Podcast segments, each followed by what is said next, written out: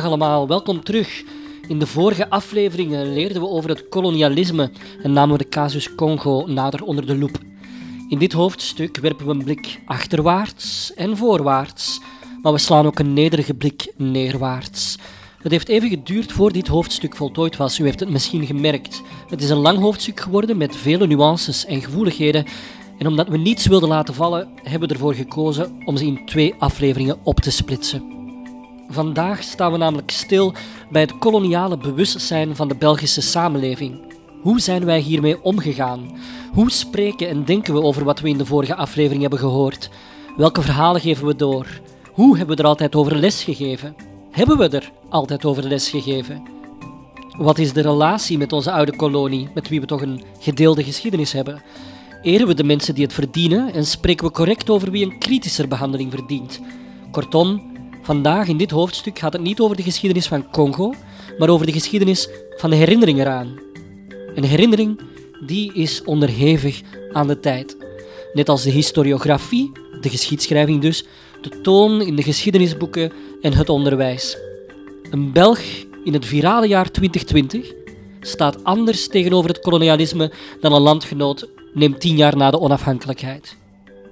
Laten we er dan aan beginnen herinnering aan de kolonie begint met het onafhankelijkheidsfeest zelf op 30 juni 1960, dat in mineur zal eindigen.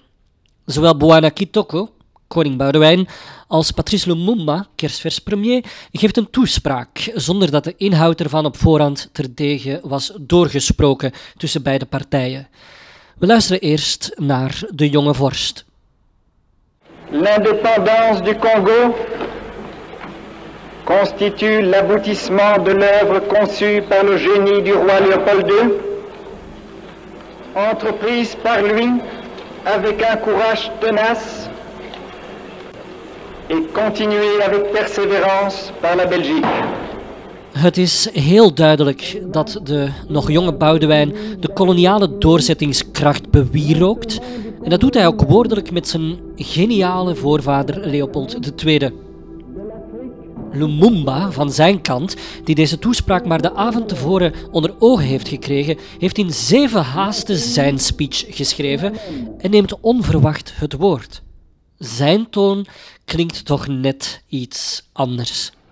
Nous avons connu les ironies, les insultes, les coups que nous devions subir matin, midi et soir, parce que nous étions. Qui oubliera qu'à un noir, on disait tu, non certes comme à un ami, mais parce que les vous honorables étaient réservés aux seuls blancs. Lumumba benadrukt in zijn donderpreek het racisme. We zijn nooit met u aangesproken. De vernedering van ochtends tot avonds.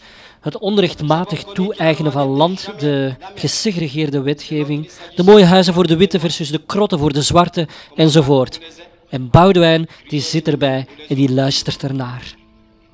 Voor ons vandaag is Lumumba's toespraak hooguit diplomatiek wat ongelukkig, maar inhoudelijk niet zo onterecht. In 1960 echter is de Belgische samenleving verbijsterd.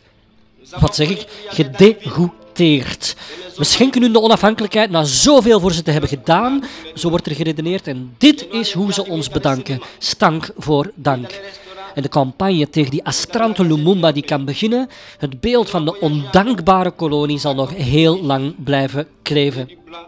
Een hele generatie teleurgestelde kolonialen is met een kater en herinnering aan geweld, plundering en verkrachting teruggekeerd naar België en zij zullen, zeer eenzijdig, de herinnering aan Congo gaan bepalen. Zij hebben het koloniale systeem volgens hun tegenstanders zo verinnerlijkt dat ze geen ander dan het witte verhaal kennen. Er is dus, en dat nemen we mee, een enorm gebrek aan genuanceerde kennis van het verleden. In de jaren 60, 70 en 80 krijgen kinderen via het onderwijs en de vorige generatie bepaalde mythes opgelepeld. Namelijk één. Leopold II was een visionaire stichter en brenger van beschaving, die twee met een royale verrassing in 1908 zeer onbaatzuchtig de Belgen zijn kolonie schonk. En diezelfde Belgen maakten er drie een modelkolonie van. Zij bestuurden hun overzeese gebieden veel beter dan de buurlanden de hunne. zeker in de laatste 10, 15 jaar. Wellicht kent u ook die plakboeken van Slans Glorie van uitgeverij Historia. Later zou dit Artis Historia worden, waarvan vele Vlaamse kinderen de zegeltjes spaarden van producten uit de supermarkt, om dan in Artis Historia winkels om te gaan ruilen voor klevers voor hun plakboek. Nostalgie alom. Slans Glorie kwam periodiek uit tussen 1949 en 1961. Deze boeken hebben in vele huiskamers gestaan, leerden vele generaties kijken naar de Belgische geschiedenis, van de holbewoners tot Boudewijn en Fabiola, zeg maar. En zelf herinner ik me dat mijn schoolmeester ze nog gebruikte toen ik in de jaren 90 in het zesde studiejaar zat. Wat dacht u van een bloemlezing? Ik heb de boeken hier voor me liggen. Ik vind ze subliem geïllustreerd, prachtig. Maar ik zou ze vandaag niet meer durven of willen gebruiken als een secundaire bron. Daar gaan we.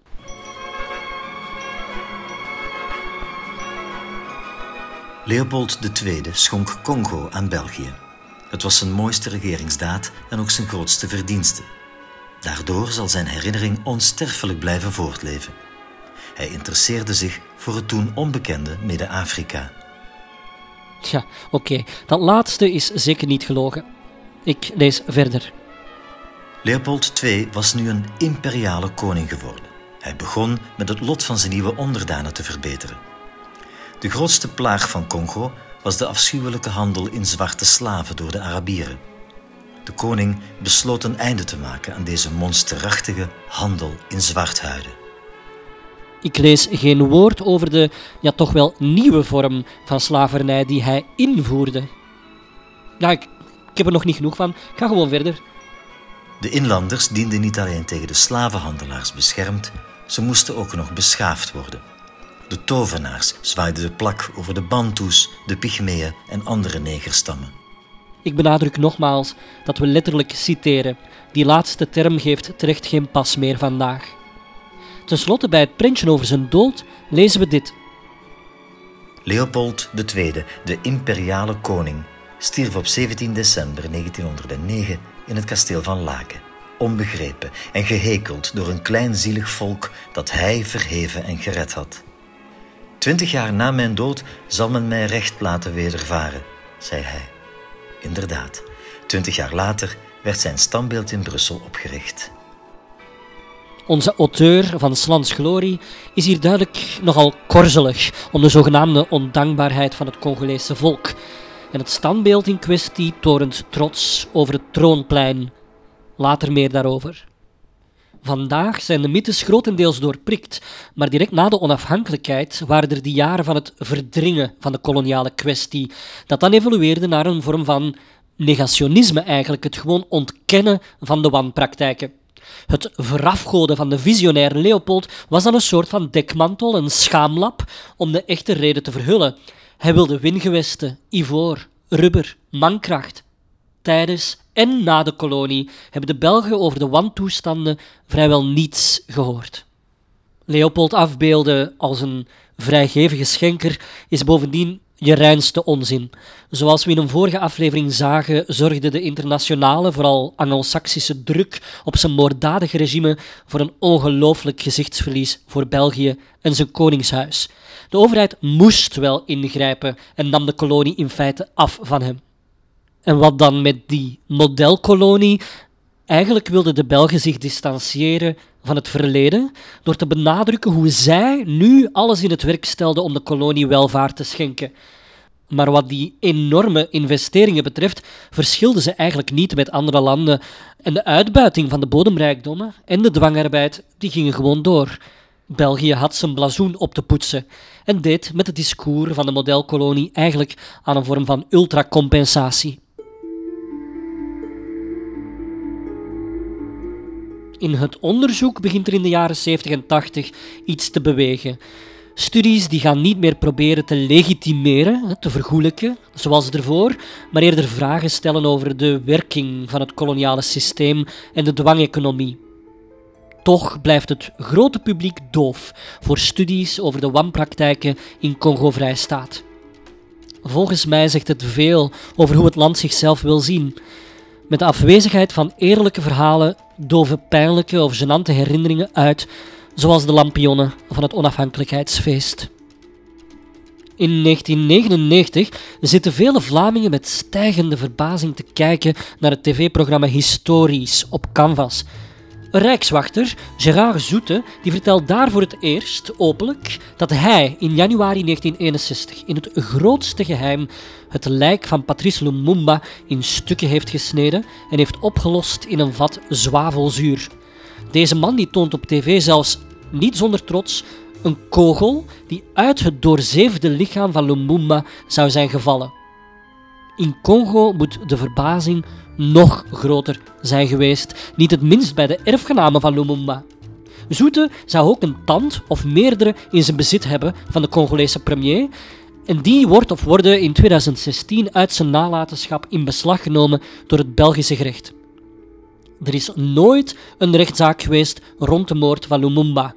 Officieel is er geen moordenaar, geen lijk, geen begrafenis, maar er is dus wel een Belg met een tand die een forum krijgt op de VRT. En vandaag wordt er gezegd dat er drie tanden van Lumumba ergens in het Brusselse justitiepaleis liggen. Ik geloof dat het echte kantelmoment in de herinnering aan de kolonie ergens moet liggen in de vroege jaren 2000, wanneer twee studies een bom doen barsten in de beeldvorming namelijk De Geest van Koning Leopold II van Adam Hochschild, een Amerikaanse wetenschapper nota bene. En dit werk wordt momenteel verfilmd door Ben Affleck. En ook De Moord op Lumumba van de Belg Ludo de Witte. Die twee werken doorbreken evenveel taboes. Hochschild die spreekt over een genocide van 10 miljoen slachtoffers onder Leopold II. Over de toepasselijkheid van het woord genocide is lang niet iedereen het eens, overigens. En die Ludo de Witte die beschuldigt de Belgische overheid van de moord op de eerste Congolese premier. We zijn intussen al meer dan 40 jaar na de onafhankelijkheid en vele mensen horen dit verhaal nu voor de allereerste keer. In het jaar 2000 wordt dan een parlementaire onderzoekscommissie opgericht om de moord op Lumumba uit te vlooien. De bevindingen België draagt volgens deze commissie een morele verantwoordelijkheid voor de moord. En dat wil zoiets zeggen als: we hebben het niet gedaan, maar we hebben het ook niet tegengehouden. En toenmalig buitenlandminister Louis Michel verontschuldigt zich bij de families. En dan gaan we naar tien jaar geleden, 2010. Congo viert zijn 50ste verjaardag. Tijdens dat jaar is er enorm veel aandacht voor het land. Maar die aandacht draait eerder op een soort van catharsis of sublimatie van de jarenlange debatten na die twee heftige studies van daarnet. De Belgen willen duidelijk in het reinen komen met die rode bladzijden, maar kansen worden gemist. Verschillende opiniestukken vinden het tenen krommend.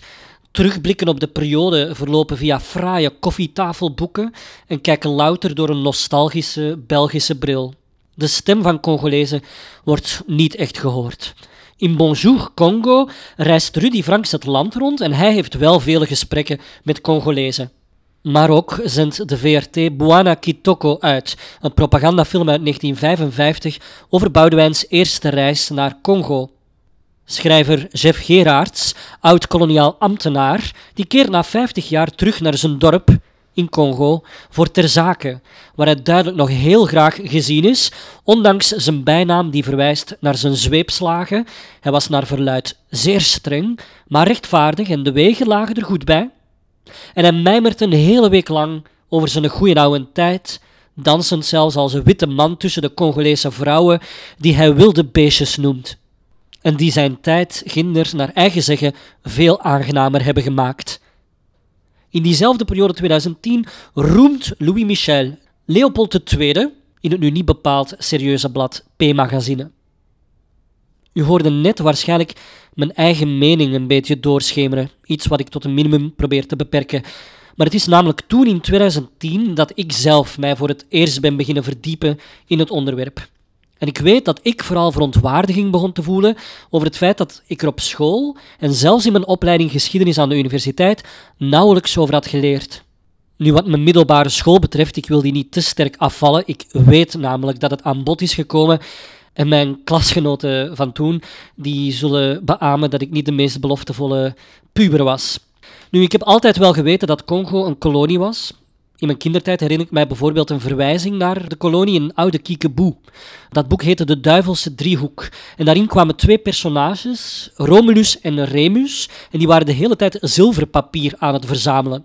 In België zamelde men blijkbaar zilverpapier in voor de kolonie. Nu, ik ben tot nu toe nog altijd niemand tegengekomen die mij heeft uitgelegd wat ze met al dat zilverpapier hierachter hebben gedaan. Dus bij deze een oproep. Als iemand het weet, laat het me weten. En nog zo'n spoor van de koloniale tijd uit mijn kindertijd was zo'n typische spaarpot.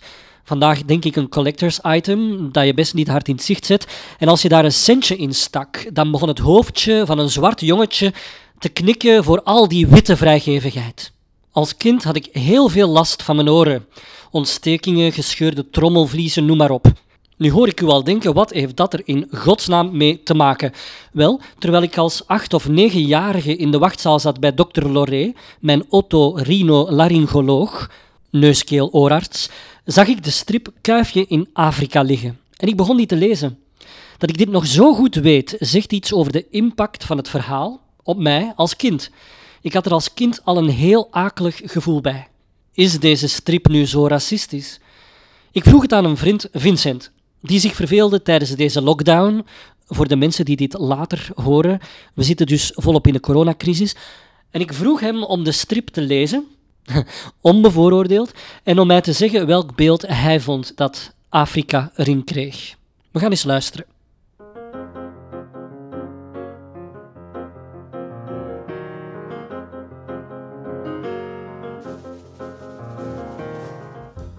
Wat mij opvalt in die strip is de manier waarop uh, de Congolezen heel karikaturaal getekend worden. Ja, wanneer Kuifje net aankomt in Congo, uh, wordt hij daar onthaald. En, en, al die mensen die daar getekend staan, hebben allemaal uh, dikke rode lippen, kroezelaar. Er lopen een aantal mensen met speren en schilden bij. Dus iets verder in het verhaal neemt Kuifje een jongetje, Coco, in dienst. En dat is echt zijn hulpje. Ik, vermoed dat het een soort van, van boy uh, is.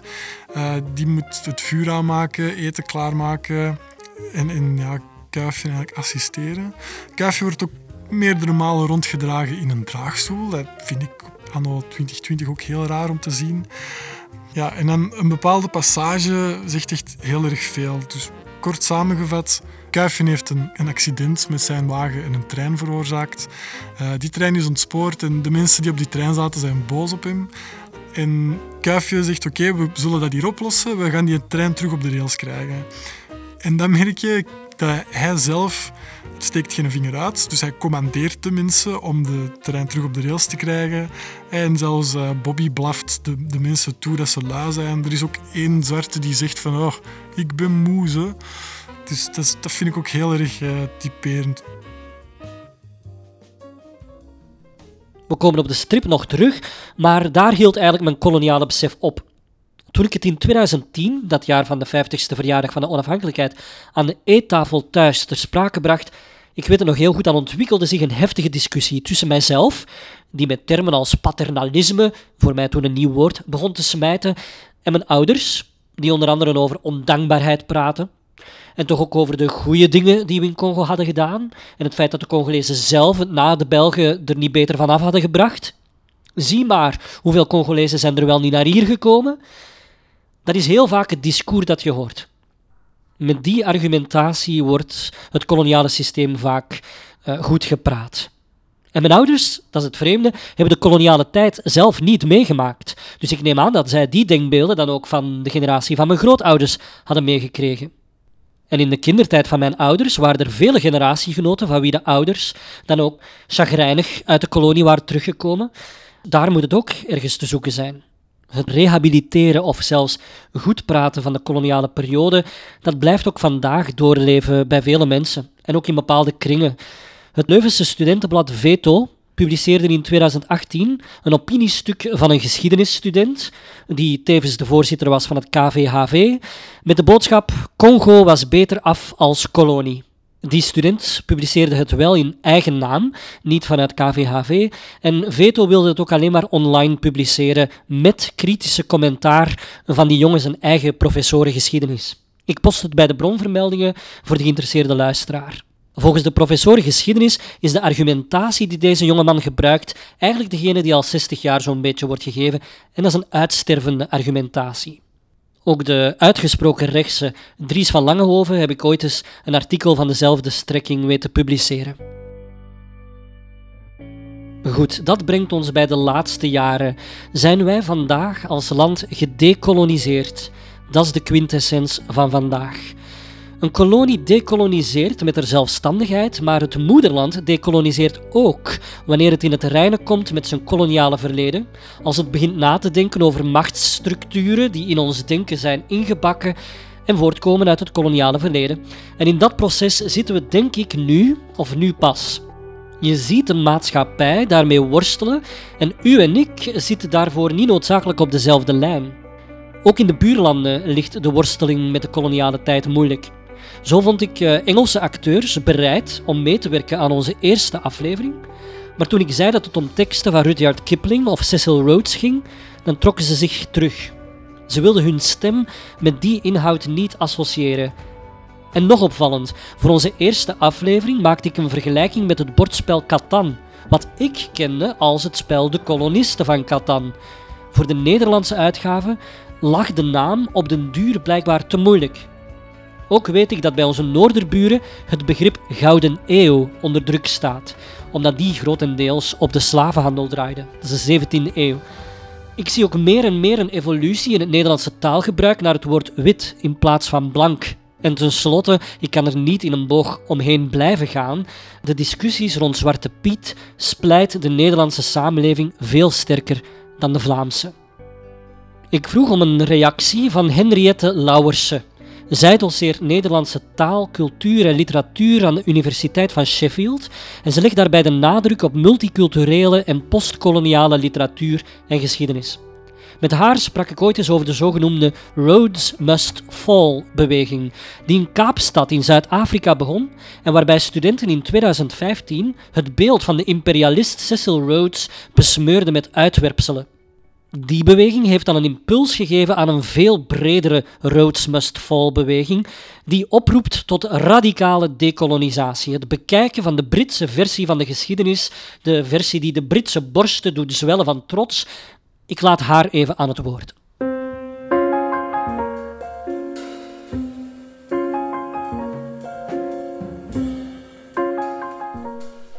Cecil Rhodes is een, goed voorbeeld van de manier waarop men, althans tot voor kort, in Groot-Brittannië en trouwens in heel Europa, omging met het koloniale verleden, namelijk selectief. Ik vraag bijvoorbeeld ieder jaar aan een groep tweedejaars studenten aan eh, de Universiteit van Sheffield wat ze weten van het Britse Rijk. En dan komen ze meestal niet ver. Ze weten wel altijd te noemen dat de Britten de slavernij hebben afgeschaft. En bijna iedereen heeft op zijn eigen school, meestal op de lagere school, wel een project gedaan rond de abolition of slavery. Dat de Britten een van de grootste spelers van de transatlantische slavenhandel waren, wordt daarbij ondergeschikt gemaakt aan het verhaal van de morele superioriteit. Verhalen van uitbuiting, van moord, van bedrog door koningen en kooplieden, die bekken nu eenmaal niet lekker in de geschiedenisles. Maar deze houding is beslist aan het schuiven. Zo onderwerpen universiteiten zich aan zelfonderzoek op allerlei niveaus. Wat zijn de koloniale symbolen op onze campus? Hoe heeft ons instituut geprofiteerd van koloniale winsten? Hoe praten we over het koloniale verleden? Welke boeken staan er op onze leeslijsten? En waarom zijn er eigenlijk zo weinig niet-witte hoogleraren? Ook in Nederland worden er stapjes gezet om het koloniale verhaal opnieuw te vertellen. En een goed voorbeeld is het project Mapping Slavery. Het Nederlandse slavernijverleden wordt daarbij letterlijk in kaart gebracht. Je kan opzoeken welk mooi woonhuis of welk schilderij, welke graftombe in jouw omgeving is betaald met inkomsten uit de slavernij. Slavernij is dus niet iets uit het ver verleden. Je kijkt er nu nog tegenaan, iedere dag in jouw stad, in jouw straat. En dat is behoorlijk confronterend. Dan lijkt het wel alsof alles wat je mooi vond, het verhaal, de traditie, dat mooie museum, wordt besmeurd met kak. Met schaamte, met schande. En dat is beslist niet fijn. Het voelt ook altijd persoonlijk. Want het verhaal van het individu is altijd verknoopt met het collectieve verhaal, het verhaal van de natie. En daarom voelt kritiek op het verleden, op symbolen, op tradities, ook altijd persoonlijk. Het is daarbij niet de bedoeling dat de witte Europeaan met gebogen hoofd door de straat trekt, maar we mogen wel beseffen dat verleden niet losstaat van het land waarin we nu leven, op de maatschappelijke verhouding van dit moment, op de positie van het land in de wereld. En laat duidelijk zijn: kritisch denken over, het koloniale, over de koloniale erfenis betekent niet alle manifestaties van het koloniale verleden uitwissen. Beelden van de sokkels, schilderijen uit musea, straatnamen veranderen, stripboeken verbieden. Het betekent wel ruimte laten voor nieuwe beelden en symbolen. En ook context geven bij de oude en vertrouwde verhalen en symbolen. En ja, het betekent ook dat het verhaal en daarmee het zelfbeeld verandert. Want we moeten ook durven opschuiven. Dat is geen schande. Integendeel. Eerlijkheid en zelfbewustzijn gaan uiteindelijk hand in hand. Bij ons in België zie je ook de worsteling opflakkeren in de sociale media of met jaarlijkse discussies over de stereotype afbeelding van, ja, wat is het nu, de knecht, assistent of vriend van Sinterklaas. Of in 2018, weet ik nog, bij het optreden van Kendrick Lamar op Pukkelpop, ik was er zelf bij, waar de racistische koorzangen werden opgevoerd. Ik herinner mij een slogan als handjes kappen, de Congo is van ons. Nu, ik ben zelf niet zo'n fan van FC de Kampioenen, maar een paar jaar geleden kwam er een film uit die zich in Afrika afspeelde en in de krant las ik een vernietigende recensie over de nog steeds heersende neocoloniale denkbeelden over het continent. Ja, ook een land werd in de film blijkbaar niet bepaald, het was gewoon, ze gingen naar Afrika. En de recensie was getiteld Kampioen zijn is gênant. De recensie noemde de film Erger dan Kuifje in Afrika en eindigde met volgende woorden Leopold II ligt goedkeurend te knikken in zijn tombe. Nu, ik denk dat ze zich daar bij de standaard misschien iets te hard hebben geamuseerd door de film af te kraken. En uiteraard is het aan ieder om voor zichzelf uit te maken of de film een stap terug in het decolonisatieproces is of niet. Ik geef graag nog een paar voorbeelden. Vorige zomer in 2019 werd er een openlucht thé georganiseerd. Niet door, maar wel aan het Afrika Museum. Thema: tribal, etnisch, kleurrijk. Volgens bepaalde online stukken die ik las, was het weer blackfacing en Afrikaantje spelen in de tuin van het museum. Het ging viraal. En dan was er ook die heisa rond een oerwoudvuif. Dat was in 2017 een scoutsvuif ergens in Vlaanderen die als mascotte een zwart jongetje gebruikte, zeg maar schoensmeer zwart, met dikke rode lippen en kroeshaar. Onder andere Dalila Hermans heeft daar toen vlammende opiniestukken over geschreven. Wat ik vooral interessant vond, was hoe die scoutsgroep het in Keulen hoorde donderen. Die waren zich van geen kwaad bewust. Die gebruikten die afbeelding al ettelijke jaren. En dat is hoe traag het soms gaat. Toen ik een kapoen of welp was bij de scouts, dan zongen wij zonder blikken of blozen, terwijl we op tocht waren en dus iedereen het kon horen, een liedje en dat heette Tien Kleine Negers. Misschien kent u het wel. Vandaag zou daar schandaal over worden gesproken. Toen niet. Je kan het de mensen eigenlijk niet verwijten dat ze soms eens goed wakker geschud moeten worden. Ik gaf net een opsomming van allemaal symbolische zaken, maar die zijn symptomatisch voor hoe ongemakkelijk we met het onderwerp omgaan. Maar ze zijn ook tekenend voor een diverser wordende samenleving, waarin zwarte burgers kritischer worden en toegang krijgen tot massamedia. Dalila Hermans is daar een goed voorbeeld van. De meest intelligente houding, geloof ik, is dat we de discussie nooit uit de weg mogen gaan. Zelfs als je merkt dat het om iets gaat waar we ons hele leven mee vertrouwd zijn. Wat doen we dan met straatnamen en pleinnamen? Er zijn nog steeds beelden van Leopold II, de bekendste op het uh, Troonplein in Brussel, die wel eens met rode verf worden beklad. En van de Leopold beeldengroep in Oostende is ooit de hand van een slaaf afgezaagd. En die is dan in 2019, na 15 jaar, eindelijk weer opgedoken. Actievoerders wilden die hand teruggeven op voorwaarde dat de koning zich zou excuseren. En Patrice Lumumba's tanden aan de nabestaanden zouden worden overgedragen. Wat trouwens niet is gebeurd, geen van beiden. Ook heb je zo'n gevraagd beeld in Wilrijk van pater Constant de Deken. Een pater uit Leopolds tijd. Een afbeelding compleet met de knie op een knielende, dankbare Congolees. In 2017 kreeg dit toch wel meest omstreden koloniale beeld in het Antwerpse in samenwerking met een museum in Tervuren een bordje met hmm, context. Dat is interessant, dat nemen we mee. Ooit belandde ik zelf tijdens het joggen op een beeldenkerkhof naast het Middelheimpark, waar een paar afgedankte beelden staan uit Antwerpen. En je hebt er een van zo'n koloniaal met een uniform en tropenhoed die met iets staat te zwaaien. Dat is blijkbaar deel geweest van een beeldengroep van baron Danis. En dat was een agent van Leopold II, die zeer lang op de Amerika-lei heeft gestaan met in die beeldgroep een buigende Arabier en ook met zo'n knielende Congolese vrouw die haar baby lijkt te schenken uit dankbaarheid aan de blanke beschaver. Het ding waarmee hij zwaait is een geweer. Deze veredeling van het zwarte land onder hoede der Belgen werd in 1913 ingehuldigd met het volgende onderschrift.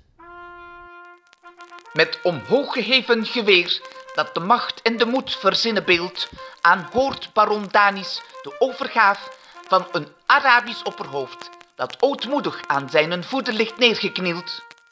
Maar de overwinnaar beteugelt de drift zijner vervoering om met een beschermend gebaar de dankbare hulde hem door de vrijgemaakte Afrikaan aangeboden te ontvangen onder de vorm van een klein kind, zinnebeeld van de glansrijke toekomst die Congo tegemoet gaat. Intussen hebben ze dat dan toch maar weggehaald.